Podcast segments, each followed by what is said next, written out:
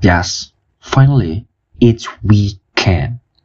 And finally, all the bullshit and all the falsehood and all the fake face is done.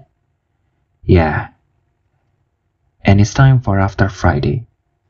I will share to you a story about madness and confession that happened this week. Good, bad, or maybe despicable. Just let go and get started for the next week.